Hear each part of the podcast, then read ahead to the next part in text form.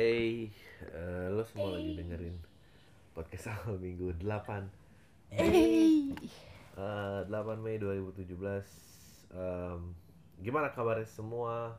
biasa aja. Biasa aja pastinya. Eh Tuh bentar. Em, Sebenernya gue baru sadar kayak Gue bukannya sok-sok mau anti kejadian current issue sih Tapi gue bener-bener gak sadar sama sekali ada kejadian sesuatu tau gak apa? Ah, kayak demo yang Mei kemarin tuh aku udah completely nggak tahu loh aku nggak pernah bahas. Terus kayak buruh satu Mei itu juga nggak pernah bahas. Lama-lama emang udah tahu nggak pernah baca sih. Eh gue tuh pengen cerita teman-teman sekalian aku pengen cerita nih. Gue tuh kemarin kepikiran apa gitu ya sampai em, lo tau gak sih kan suka ada tuh karakter-karakter bapak-bapak yang yang nasionalis. Bukan bapak-bapak nasionalis yang kayak yang seling kayak kalau ini semua pembodohan barat sih gitu. Ini semua ini ditelan aja mentah-mentah. Lihat orang barat jadi udik erat bule jadi udik. Dan gue tuh kayak mikirin anjir itu seberapa bener ya gitu. Dan aku kepikiran Han sampai ke ke ke zaman dulu gitu lah Jakarta 80-an 90-an gitu. Kenapa itu? ya nggak stuff like kayak kemarin kita makan apa? Fiesta steak. Oh, oh.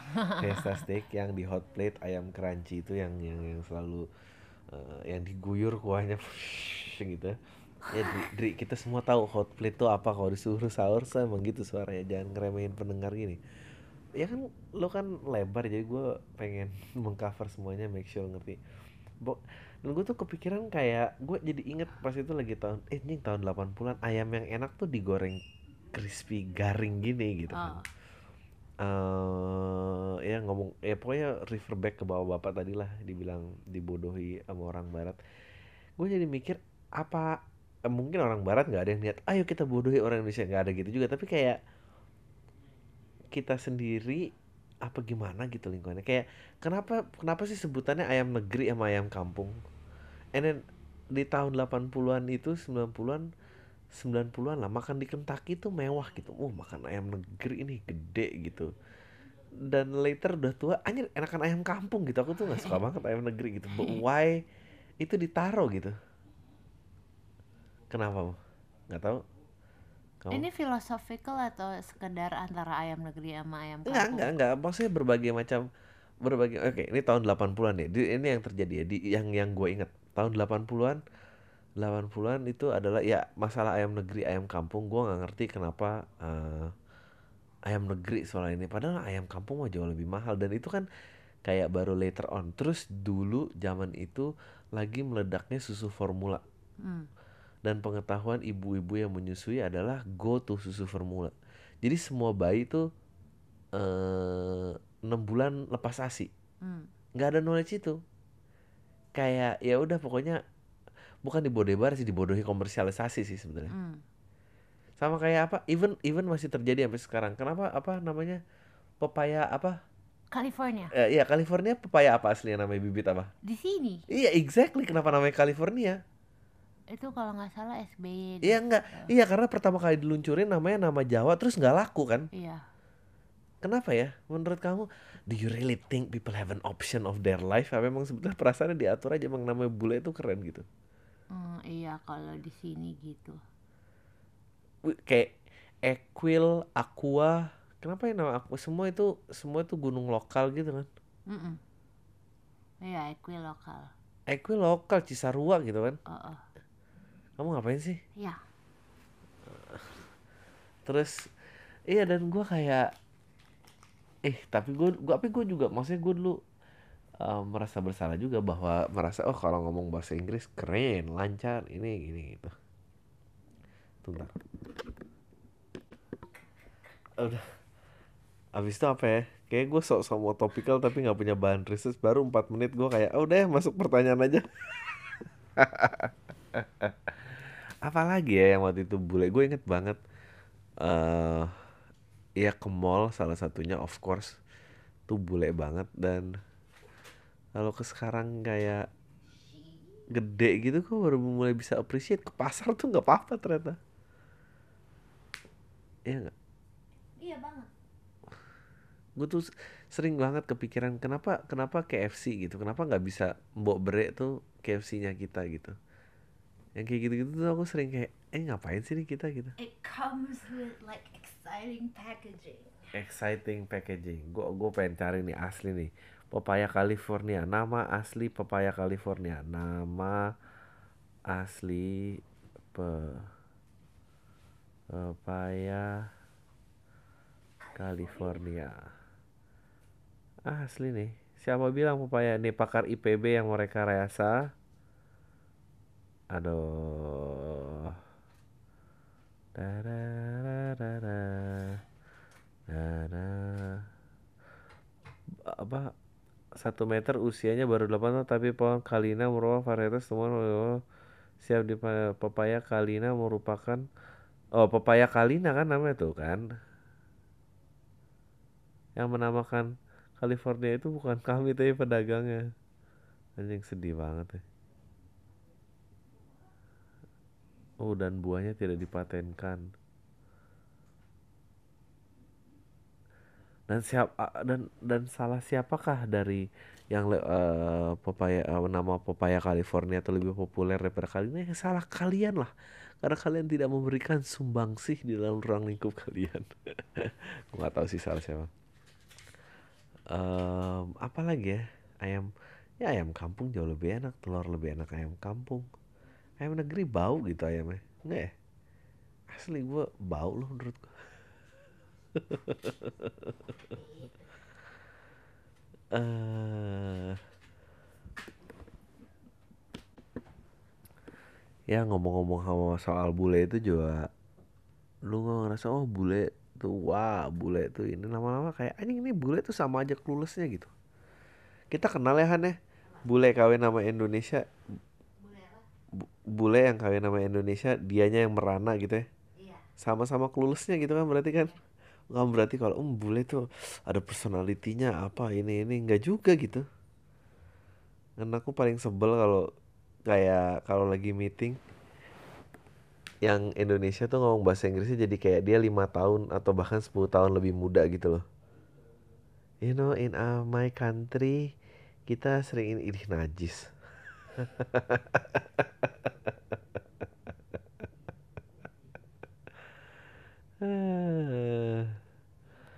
itu siapa yang ngajarin? Gue inget pokoknya eh, sebelum ya ini mengenang mengenang dulu apa em, ya apa ma- makanan gue jadi inget-inget kecil gitu. Kayak dulu tuh ke- mall tuh sedikit lah nggak ada Pondok Indah Mall Blok M Plaza udah ada Pasaraya udah ada lama. Ratu Plaza ada tapi rest selatan masih sepi banget lah. Eh nyawa laser disc nonton itu. Apa emang gitu kali ya? Mungkin mungkin memang sebetulnya sebetulnya ya kalau mau jujur ya kalau negara dirombak dan lu pengen em, pengen bangun dari awal gitu yang lu benerin gitu. Maksudnya kenapa dulu instan eh, perfilman Indonesia maju gitu? Kenapa ini? Karena ruang kompetisinya tuh ditutup. Gue sering bahas ini kayak gini. So, ruang kompetisinya tuh ditutup gitu. Lu nggak ada pembanding. Ya emang jelek seolah-olah nggak ada opsi. Dan dan dan gue percaya itu adalah kebohongan yang diinjek. Bahwa ya nggak bisa gitu dong demokrasi. Orang kayak eh orang tuh kayak kebingungan antara di di di di dilempar bahwa seolah-olah ruangan yang nggak ada opsi itu menentang demokrasi gitu.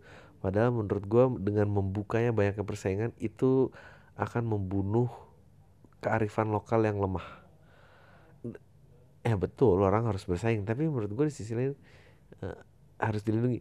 Dan kalau lo bisa misalnya bangun negara gitu ya dari nol gitu dan dan dan anti korupsi dan tidak apa lo pasti bahkan bangun secara otorati ot- ot- otoriteran o- otoritarian apa sih?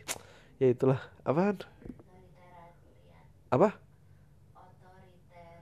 Otoritarian ya lo akan limit. Kayak misalnya lo bangun tim bola gimana menurut lo Indonesia mempunyai bibit bola yang sangat sepak eh, yang jago banget? Lu eliminate nggak komunika eh, kompetisinya? Eh enggak juga sih bo- bola sih masih lokal. Jangan jangan ini lah. makanan deh makanan.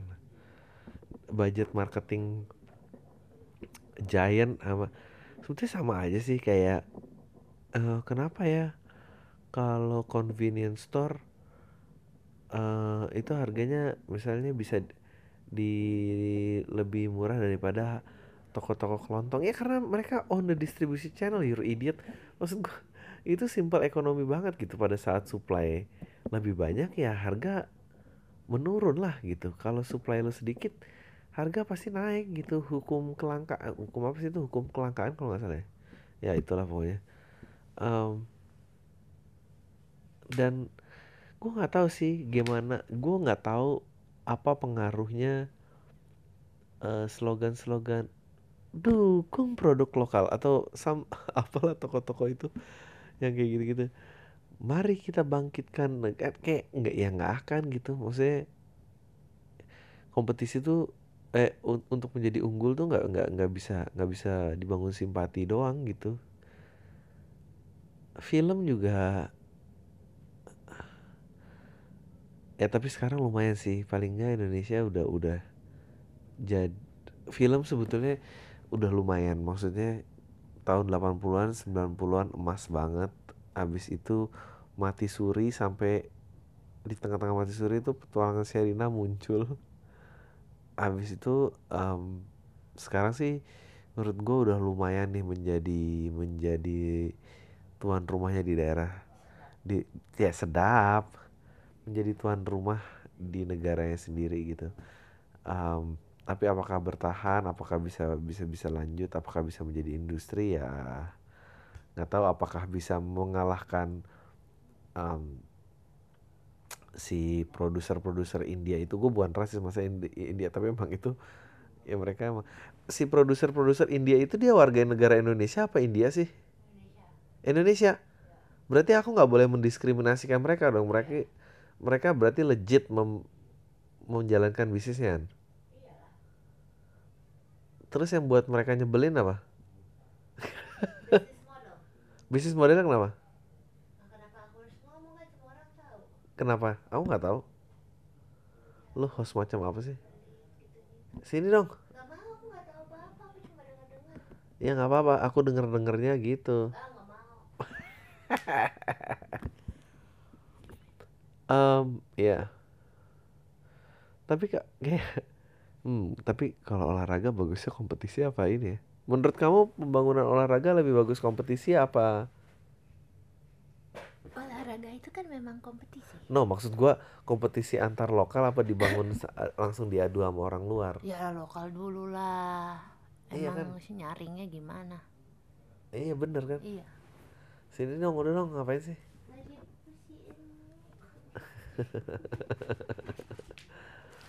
Ini nggak ada kontennya nih kok.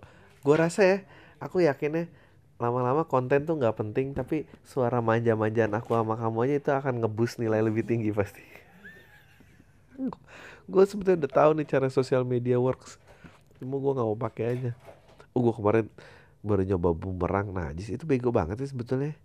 Kayak oh oke oke. Kenapa kenapa kenapa? Coba ya ya kan kema kemarin ini kan terbitnya senin. Oh iya bener. Nggak. Kenapa efek bumerang di Instagram keren tapi efek efek repeatnya spontan katro? Apa bedanya? Ya gak sih apalagi tuh yang kayak gitu-gitu jadi katro karena luar negeri sama Indonesia juga bisa tapi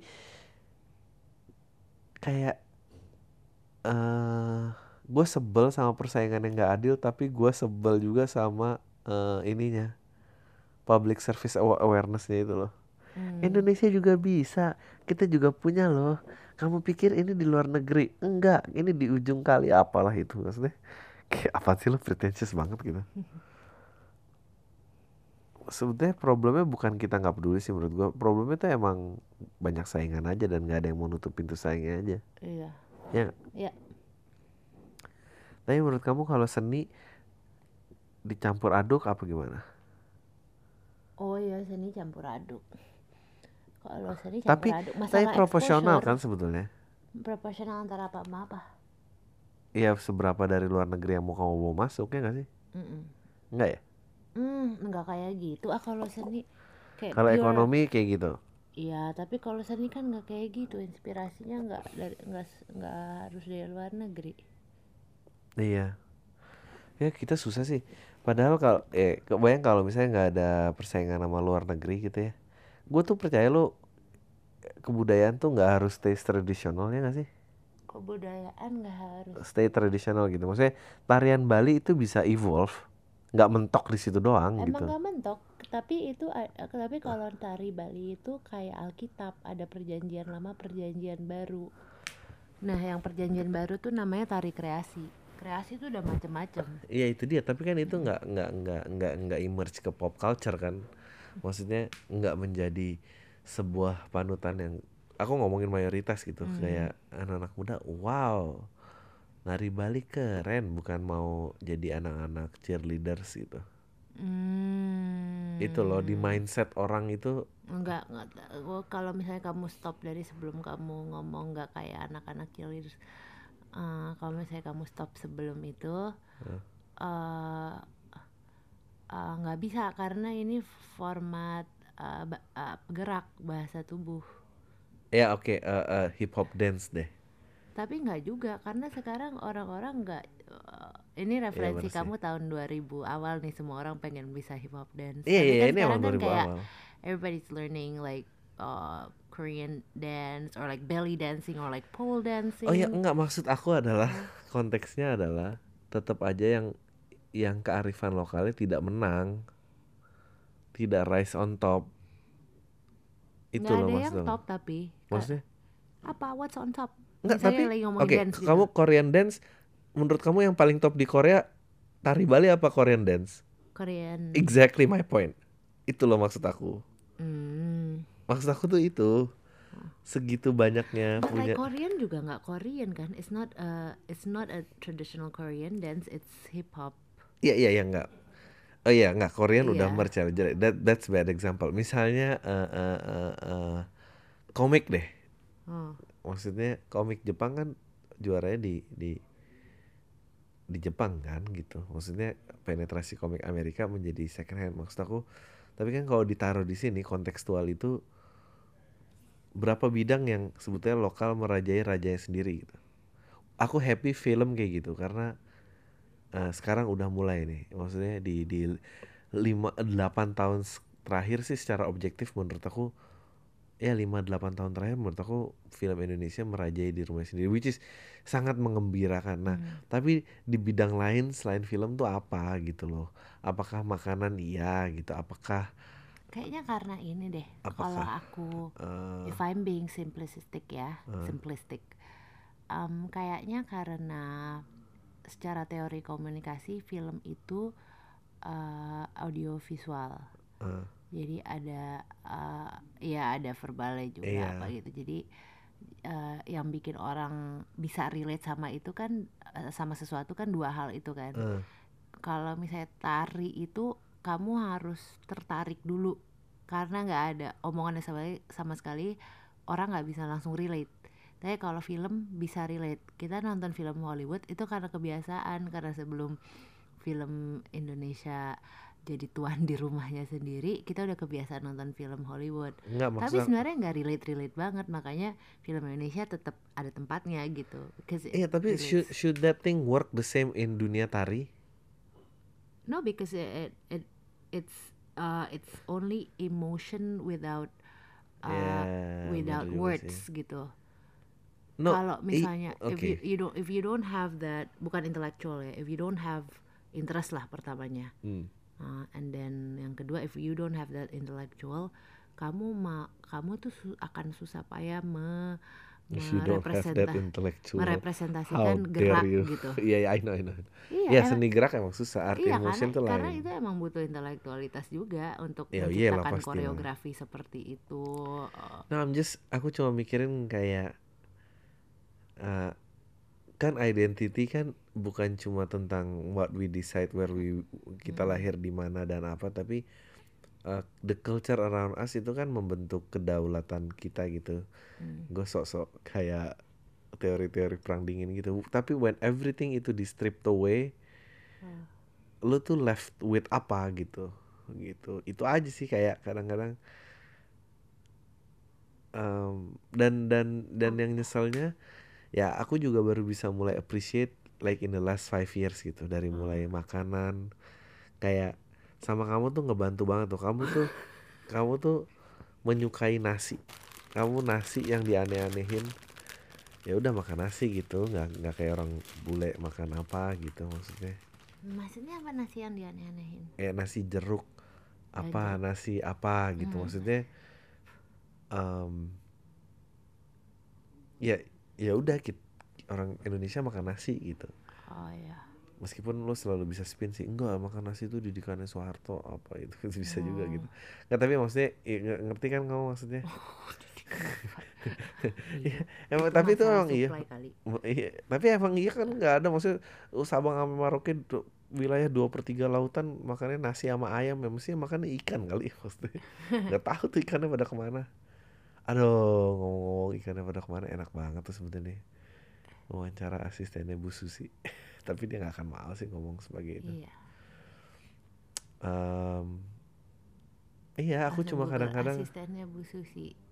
Aku, aku tuh percaya ada lini konspirasi itu gitu. Lini konspirasi itu dari dari atas yang diputer untuk membela ke eh, sebuah private yang di yang diturunin sampai kepercayaan yang yang sangat proletar gitu. Contohnya itu bisa. Ini kita balik ini kan yang katanya makan nasi ama yang propaganda iya. orde lama. Ya nggak sam ya kayak Enggak, pemilihan. misalnya iya. Heeh. iya tapi eh, if you think positively itu masalah eh, rantai pasokannya aja zaman dulu nggak bener dari laut oh iya iya darat bener bener bener bener. Ya, itu sama sama kayak eh, belum bagus gitu sama kayak aku nggak percaya penjajahan itu adalah ada orang purely 100% mau ngambil eh, mau ngambil kita.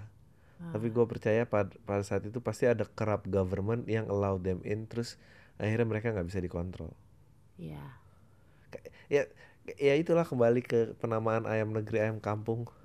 Gila gue cuma denger di podcast awal minggu nih penamaan ayam negeri ayam kampung tuh ada konspirasinya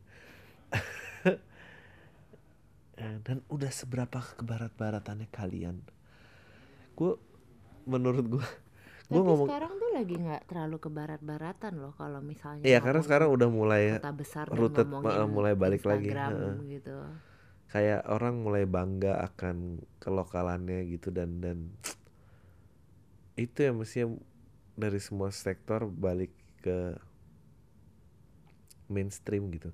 Aku tuh tau nggak? Aku kepikiran ini gara-gara apa yang joke yang aku sering lihat itu oh si Mike, Mike Yard itu yang Hmm. dia punya joke bilang bahwa mm, orang Afrika tuh benci sama oh iya orang African American gitu. Orang Afrika aja sama American. fucking Terus dia- brilliant terus dia ditanya apa eh eh no I'm serious eh yeah, I know you guys hate hate us gitu kan you guys hate us terus ada penonton orang Afrika ngeliatin nah ngeliatin dia bingung gitu. Enggak enggak. Enggak gue tahu lu benci gue gitu. Don't look at me like you're thinking no you are okay gitu kayak dan apa gue tuh tahu perasaannya kalau mereka orang Afrika ngeliat orang African American tuh rasanya kayak you are not Africa. You are the ones that got caught. Pokoknya intinya di joke itu dia bilang bahwa em, apa dia bilang bahwa kita bukan benci tapi kita udah nggak ngerasa kita terkoneksi lagi gitu bahwa dia bilang pada saat pada saat pindah eh, ya kita ngerasa you're lost aja gitu. Dan ya karena suka kepikiran gitu what makes you apa yang membuat lo tuh lo gitu? Is it your culture gitu? Is it your individual gitu? Eh, in- dan individual tuh sejauh apa sih gitu? Hmm. Shape you pak. Kayaknya nggak jauh-jauh banget gitu. Begitu nggak menurut anda? Ya.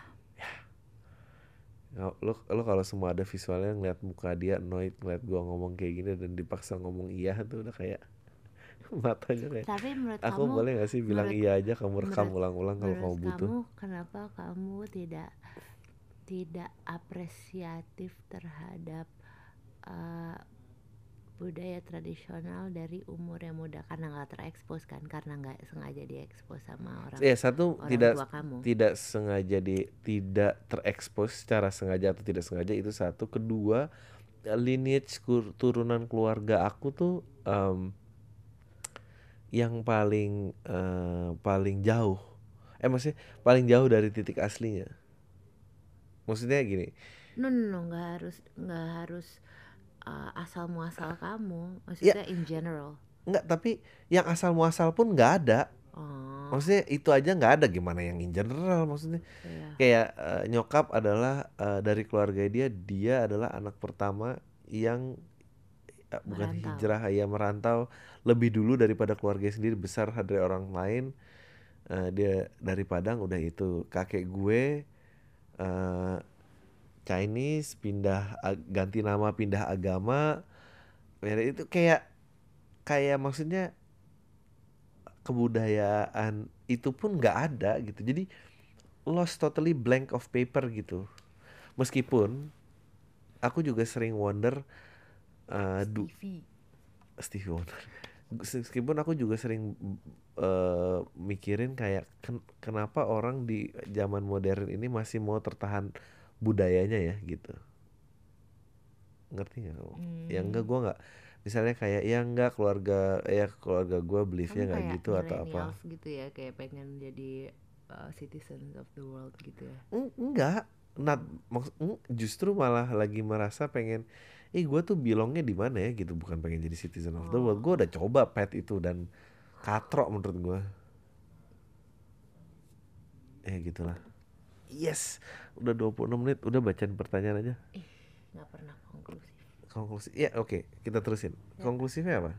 Nggak ya kayak kamu kamu kamu inheritan eh, Sunda kamu jalan ya kan? Hmm. eh, Manado jalan gitu.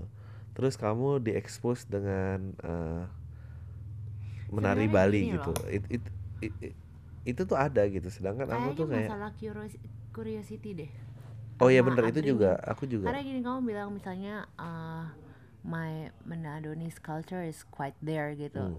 Nggak juga, aku nggak pernah ke Manado. Uh, Iya.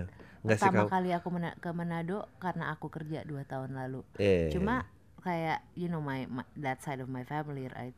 Iya. Maksudnya nggak segitunya juga. nggak but ya I'm curious. tapi a- tapi so, aku agree kamu Sundanya lebih banyak ya. ada upbringing kesopan santunan dan apa. Nah aku tuh nggak ada itu itu tuh nggak ada. Bener-bener Aku nggak ada sama temen temen aku kalau ngomong ngomong kamu tuh Sundanya ada banget matrenya ada.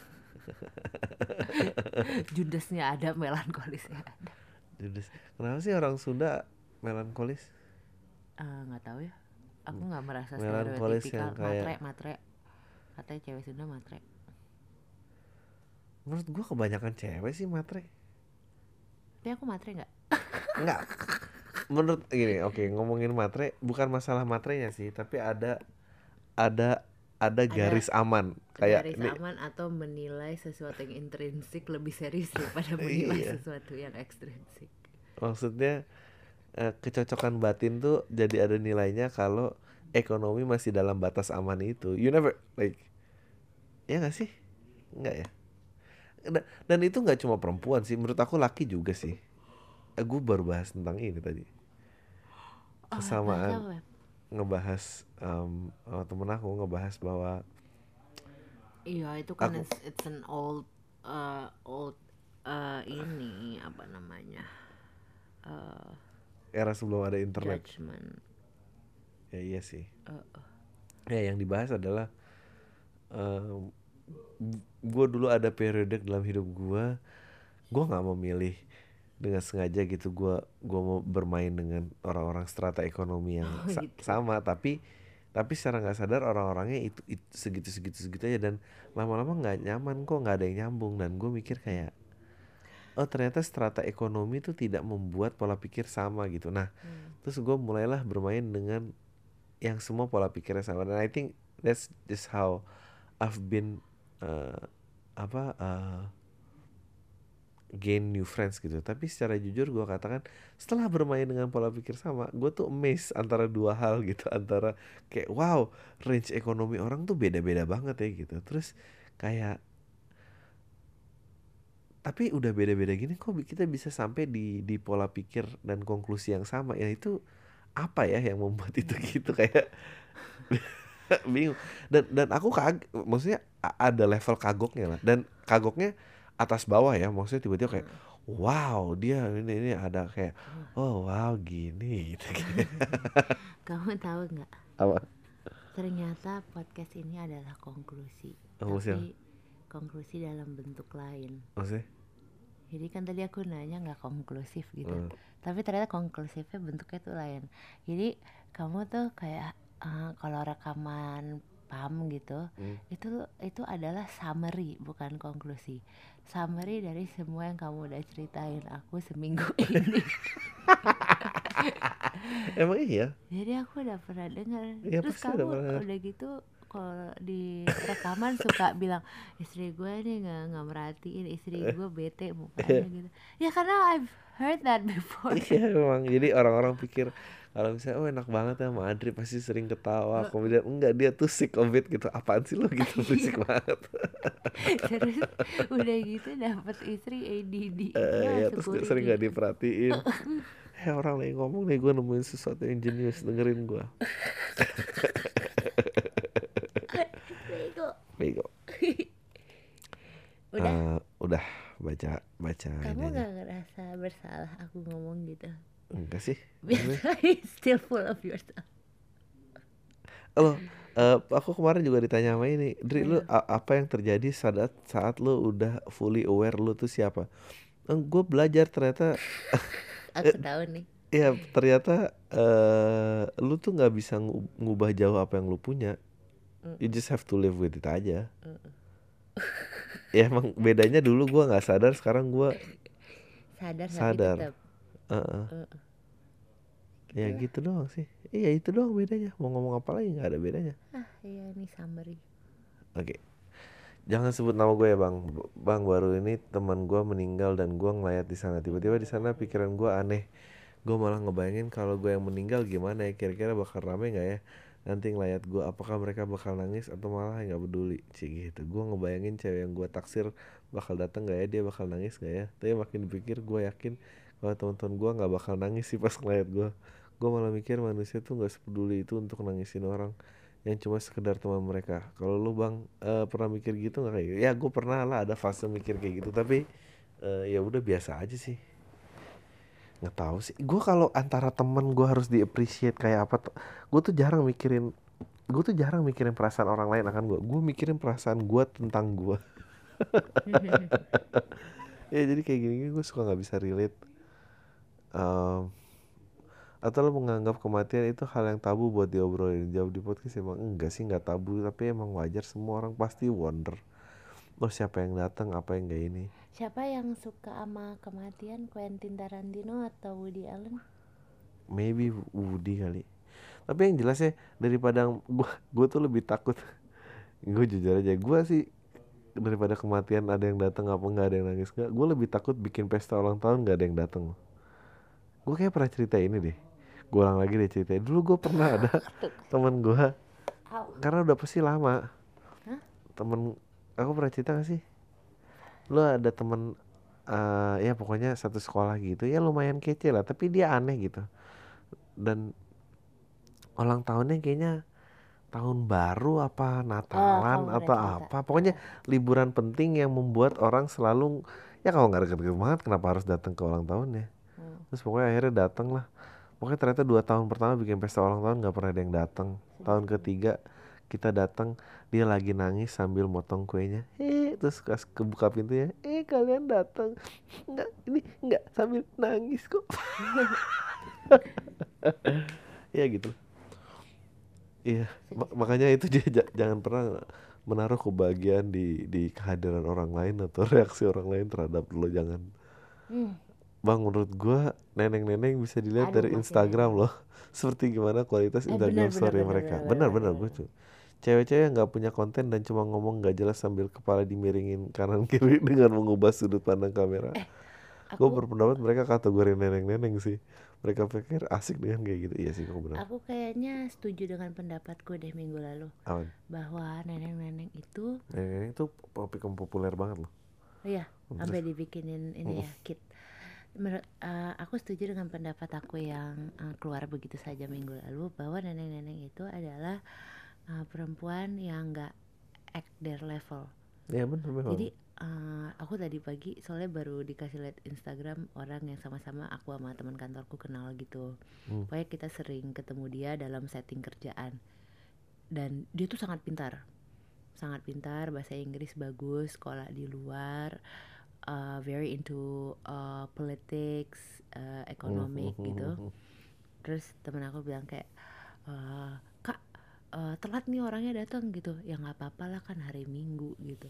Nah, enggak dia tuh pasti party gitu kan. Party. neneng ready to party. bilang, enggak ah orangnya kayaknya nggak kayak gitu sih. Iya sih dia kalau ke setting kerjaan suka pakai skimpy dress gitu loh yang Eh, super ketat mini nggak pada tempatnya. Oh that's my other opinion bahwa pada biasanya nggak pada tempatnya bajunya. Betul. Terus abis itu sini sini aku kasih lihat Instagram aku lihatnya sumpah neneng banget. Jadi dia lebih pintar. Mungkin secara sekilas aku bisa bilang dia lebih pintar kali dari aku gitu. Hmm. cuma itu Instagram masya Allah nenengnya. Iya. Lihat deh aku kasih lihat kamu. Jadi aku setuju sama pendapatku aku. Iya memang memang. Yang- nggak their level. Nggak their level Heeh. Halo bang, pernah terbunuh analogi yang lo buat sendiri nggak? Kalau pernah apa yang biasa lo lakuin? Gua nggak ngerti yang termaksud dengan terbunuh analogi sendiri. Kalau lo tanya, apakah gua pernah makan jok gue sendiri? Sering. Apakah gue sering lu jilat ludah gue sendiri? Sering. Apa yang gua lakukan? Ya biasa aja ya, jalanin aja gitu maksudnya. Agak tuh point di mana hidup yang berubah tuh jauh lebih menarik daripada orang-orang konsisten. Kayak kalau lu keras kepala dari dulu gitu sampai sekarang sama aja itu berarti value hidup lu nggak mengalami perubahan sih. Gue gue mulai menikmati kayak gue ngeliat diri gue dua tahun yang lalu dan gue merasa malu akan diri gue itu. Berarti gue progres sih. Atau nggak konsisten ya nggak tahu. lah. Satu lagi bang boleh impersonate nggak cowok yang udah mau bilang mau pulang tapi jadi ikut nongkrong gara-gara gebetannya ikut nongkrong. Thanks bang. oh gue tau nih situasi-situasinya tuh kayak berharap kayak pengen cabut dari keramaian terus dia melipir berdua sama gitu kan kayak oh ntar, pulang sama siapa? Oh, gue juga mau cabut nih gitu kan Cik, kode-kode gitu ternyata nggak cabut. Eh enggak nih gue ada teman gue di sini gue di sini aja nih oh gitu. Lu juga masih di sini ya? Oh iya. Ya udah gue tapi ya harus cabut kayaknya. Terus kayak melipir melipir pesan minum sendiri. Kalau nggak jadi baik iya nih gue dijemput. Belum datang nggak tahu lah gue ngomong apa so asik. Maaf ya kayak kayak gitulah impersonate gue santai bang. Please jangan sebut nama gue gue cewek gue mau sharing sekaligus minta komen lu soal cerita gue ini. Singkat cerita gue sekarang lagi jadi selingkuhan. Widih. Sesungguhnya ini melukai prinsip gue yang selalu berusaha untuk nggak ngelakuin hal yang nggak mau gue dapet dari orang lain juga. Gampangnya karena gue nggak mau dicubit ya gue oke apa? Gue pernah di posisi diselingkuhin. Bahkan waktu itu gue langsung putus aja sih nggak peduli. Waktu itu mantan mau jelasin kayak apa. Karena yang gue tahu dalam kamu selingkuh tuh yang salah yang selingkuh. Mau orang tiga kegodain kayak apa kalau pasangan kita bener mah nggak bakal selingkuh. Ya nggak juga sih bisa juga salah pasangannya. Nah gue udah berusaha kabur dari awal taunya ini laki punya pacar ternyata semakin berusaha nggak attach gue malah semakin attach. Sama laki-laki sehingga sebelumnya nggak pernah ada yang serak. Alah alah. Pembelaan seorang penjahat.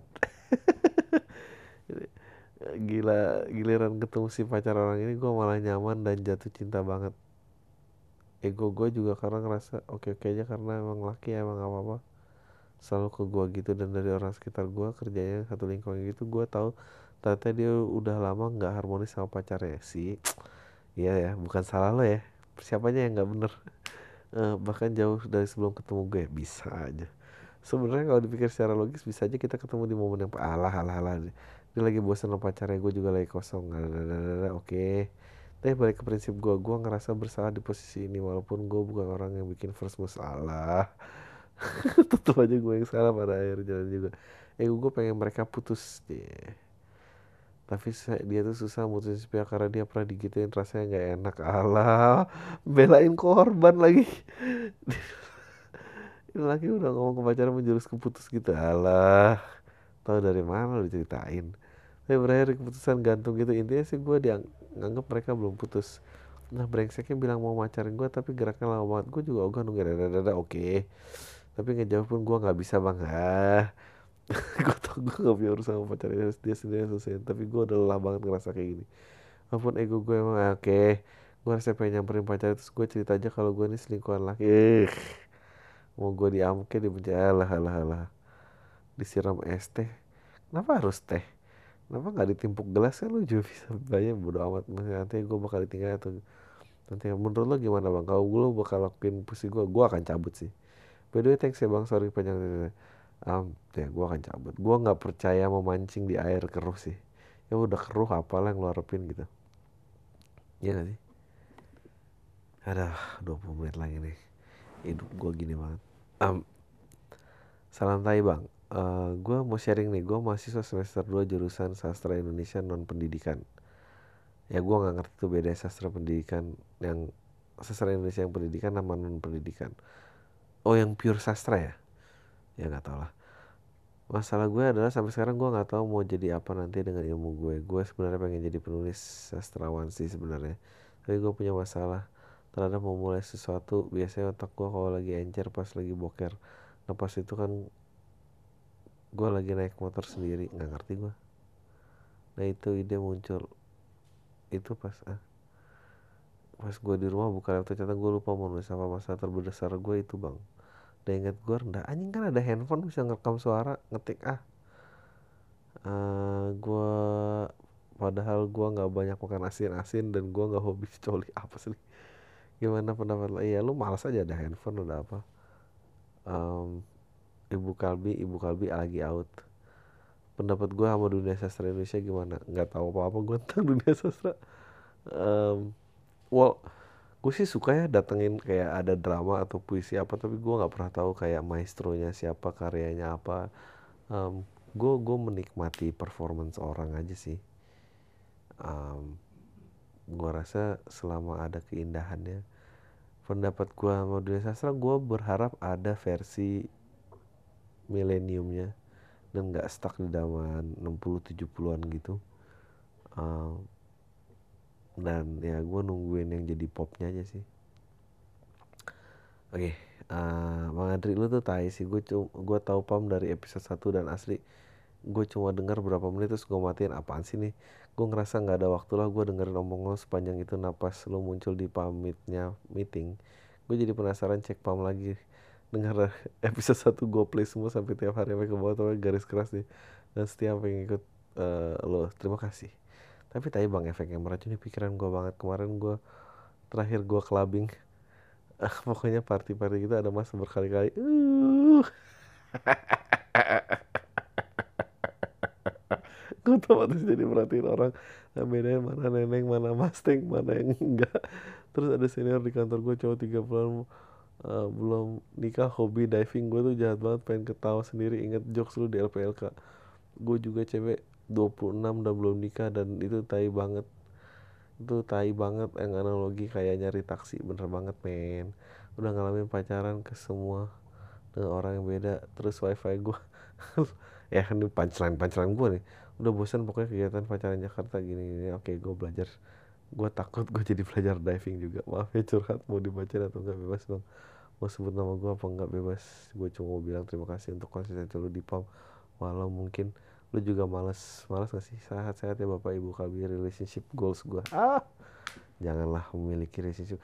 I don't know like gue gak ngerti sama orang-orang yang punya relationship goal karena um, lanjut terus ya bang. Ini cuma ngirim email gitu dong um, karena uh, masih banyak goal-goal lain dalam dalam kehidupan uh, sosial gitu dan uh, kalau lu tambahin relationship goal itu lu cuma pu jadi punya goal satu lagi yang lo nggak akan capai dalam hidup aja.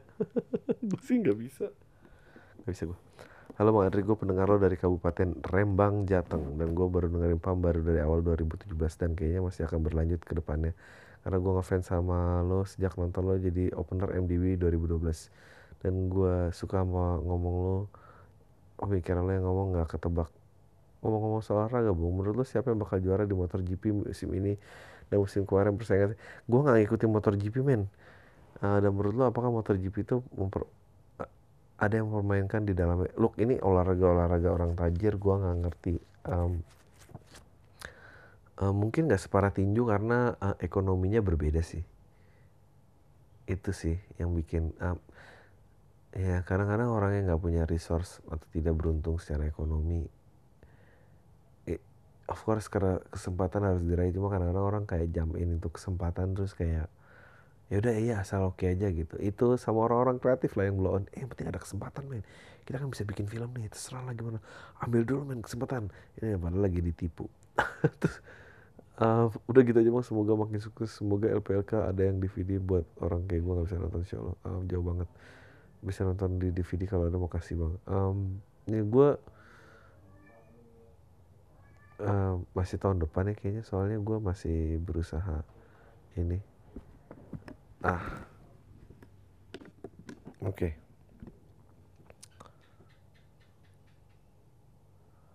ngapain sih nanya? Menurut lu penolakan foto oleh Dian Sastro gimana? Kampung.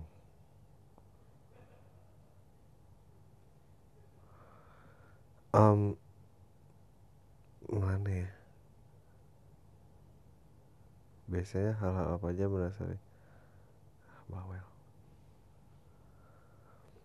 Bang Adri, sebagai anak jaksel sejati, mohon sebutkan ciri-ciri yang abang tahu dari anak jaksel, anak jaktim, anak jabar, anak jakut, dan anak atau anak jakpus atau anak kepulauan seribu.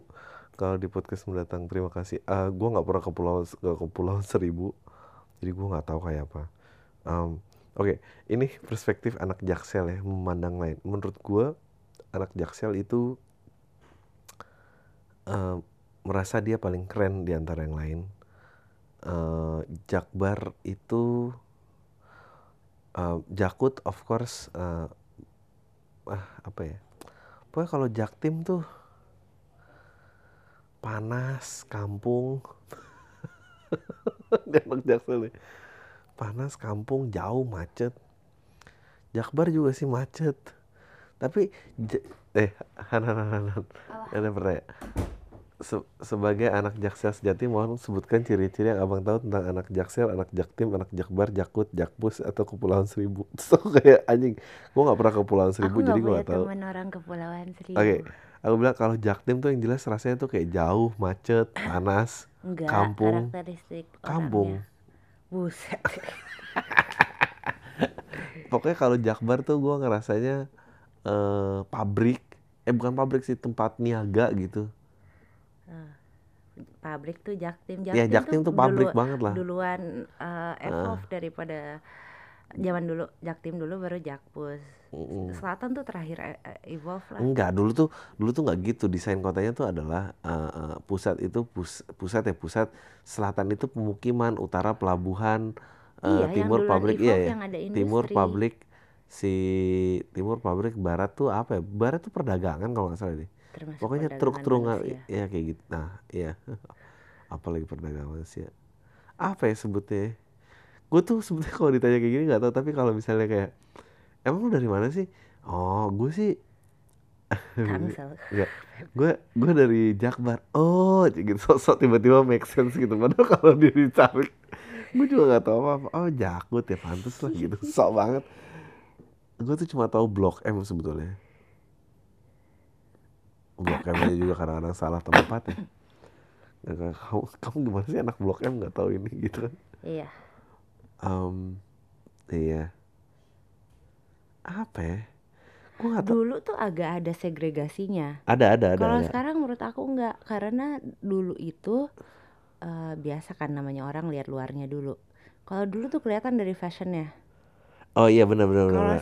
Anak anak anak mall Taman Anggrek tuh sama karena, mau beda. Kalau uh, kalau zaman aku SMP uh, karena aku selalu salah pergaulan ya hmm. aku bergaul sama orang ini kaya sekali jadi hmm. uh, udah punya apartemen udah dikasih apartemen di Mall Taman Anggrek hmm. salah satu apartemen pertama di Jakarta kan yeah. di iya. atas mall itu Nah itu tuh aku pasti kesannya tuh jadi semenjak main sama dia ke Mall Taman Anggrek Kalau di Mall Taman Anggrek itu pasti kamu menemukan anak-anak yang pakai kemeja tangan pendek motif Dragon Ball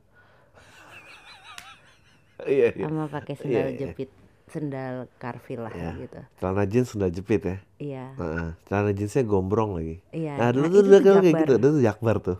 Jakbar Tapi ini era-era sebelum Jakbar do- 98 lah ya. Selatan itu, ini aku lagi ngomongin aku SMP ya Iya. Selatan, Selatan itu, itu adalah celana eh, Lea bootcut pakai sendal Yongki Komaladi.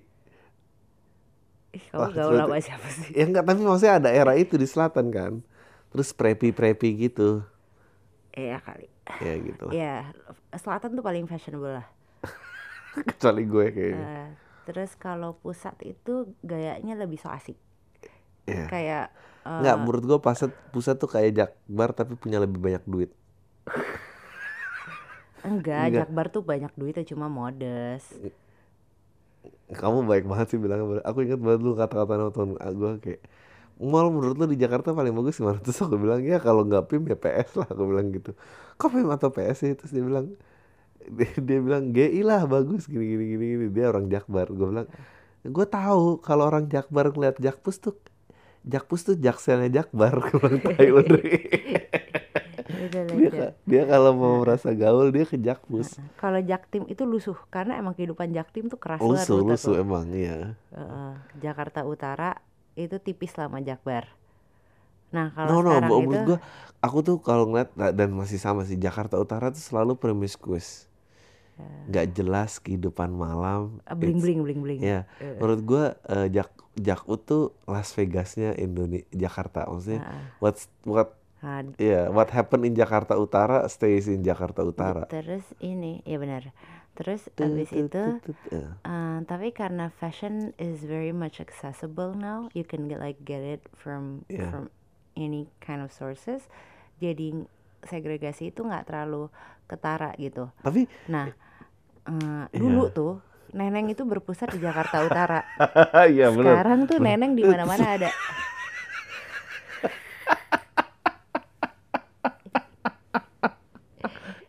Benar, benar. Neneng dulu.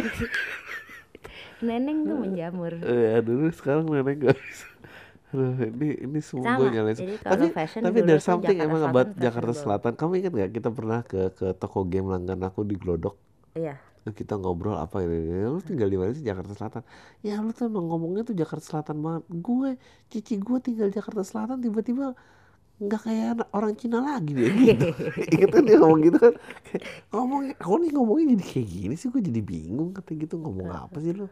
Terus gue kayak, oh iya. Iya, sama. Dulu Jakarta Selatan paling fashionable, sekarang fashion udah skater, udah accessible, jadi di mana-mana. Tapi neneng-neneng tetap tak Neneng-neneng. terselamatkan ya. Iya. Eh, bang, eh, menurut lo konsep mendingan minta maaf min- dibanding minta izin bisa diterapkan atau memang beberapa hal yang nggak bisa? Ya, nggak. Gue paling bingung ya ada orang yang gue maksudnya ngejok tapi langsung berusaha di breakdown. Kayak gue ngomong gitu terus tercerahkan terus pengen di-apply ke semua hal gitu. Ya of course dong nggak bisa mending minta maaf daripada minta izin. Karena minta maaf daripada minta izin tuh pemerkosaan tuh ya kan seks tuh nggak bisa lo minta maaf daripada minta izin. Tapi lo harus minta izin, harus minta consent gimana sih? Ya ya tapi ada beberapa hal yang bisa diterapkan. Kayak misalnya lu yakin memilih jalan hidup apa tapi keluarga lu nggak setuju ya udah minta maaf aja daripada minta izin. Gue bayangin ngomong di situ deh. Tapi janganlah kalau tentang seks. Bang Adri jadi gini gue di circle gue lagi zaman cewek-cewek berhijrah memakai hijab with any kind of reason. Menurutnya berubah tuh yang dulunya doyan gosip party dan dosa-dosa lainnya. Nah menurut gue ini sebuah fenomena lucu bang wanita yang gak mudahnya eh, alasan kejar seorang nikah muda rebranding dirinya walaupun at the end party tetap lanjut gosip nggak pernah putus. Ada yang gitu nggak bang kalau di sekitar lo? Dan kalau circle ada banget. Dan kalau circle rebranding versi cowok juga gimana bang? Sebetulnya gini sih eh, ini ini ini harus diganti nih jangan sampai gue seolah memojokkan seorang sebuah golongan. Menjadi religius tuh selalu shortcut untuk semua orang sih. Ya nggak sih? Ya ada beberapa yang callingnya seperti itu tapi jadi cowok juga gitu ya shortcutnya? Menurut aku iya loh. Atau tapi ada opsi kayak ininya sih kayak menjadi serius kayak nggak men gue udah nggak kayak gitu lagi. Gue pengennya berkarir apa yang kayak gitu gitu tetap ada kan? Ya gitulah nggak tahu. Ya gue juga gak ngerti sih fenomena ini. Lingkungan gue gini gini gini. Kamu mau tuh mau ngomongin teman kamu yang kemarin resign ya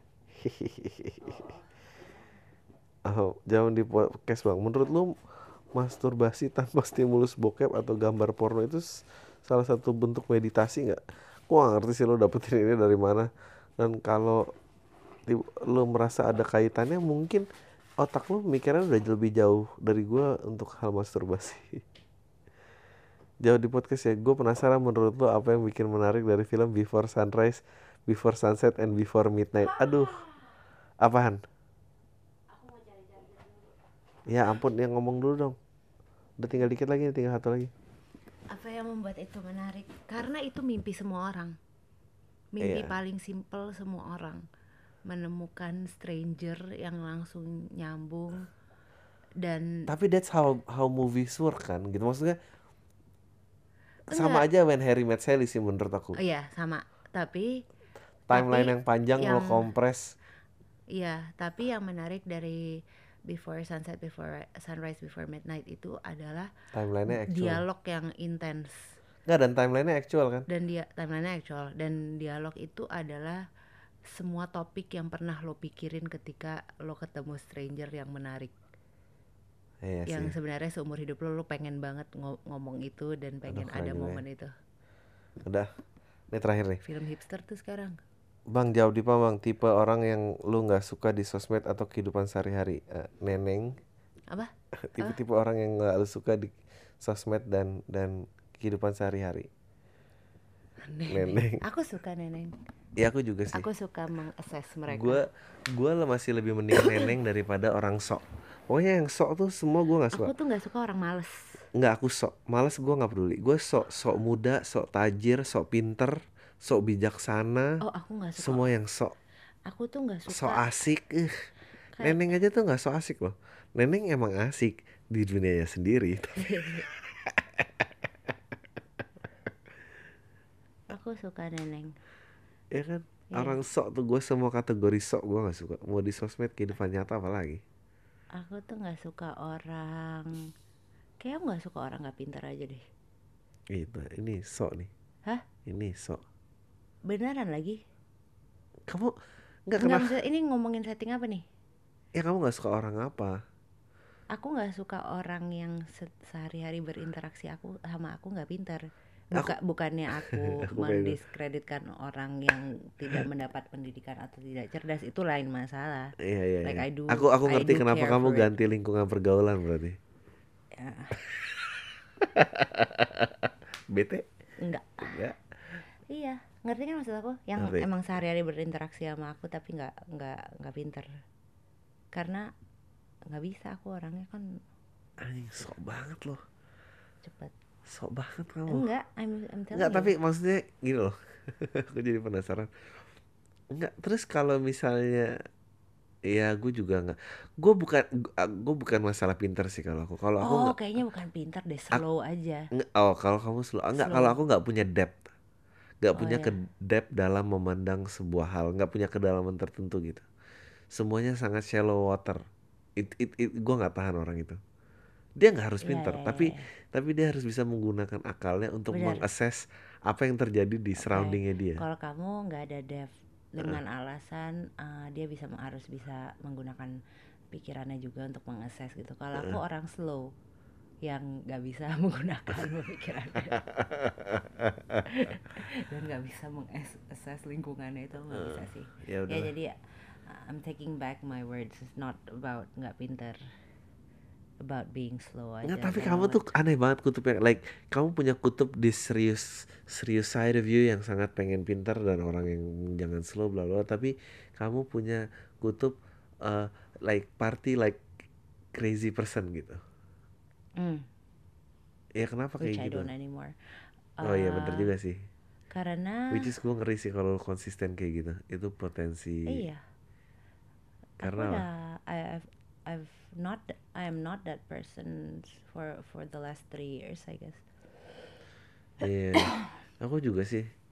The worst thing I could I- gua yang gue bisa lakuin ke diri gue adalah terjebak dalam sebuah conversation tapi sambil minum dan dia nggak punya depth tapi apa apa menurut mati aku sih gue menurut aku contoh kamu tadi irrelevant buat aku karena karena myself three years ago I don't Eh. even try to I didn't even try to hook up or to talk to people in the club maksud- gitu maksud kayak aku, I'm just maksud aku enjoying adalah tapi kan myself kamu at the time. kamu surrounded sama orang-orang yang senang party dan ternyata orang-orang itu yang consider kamu teman kamu ngerasa orang-orang ini nggak pintar. Itu yang aku bingung. Kamu punya stay di lingkungan itu. Kalau aku memang kalau aku aku tuh ngerinya aku terjebak dalam kefanaan.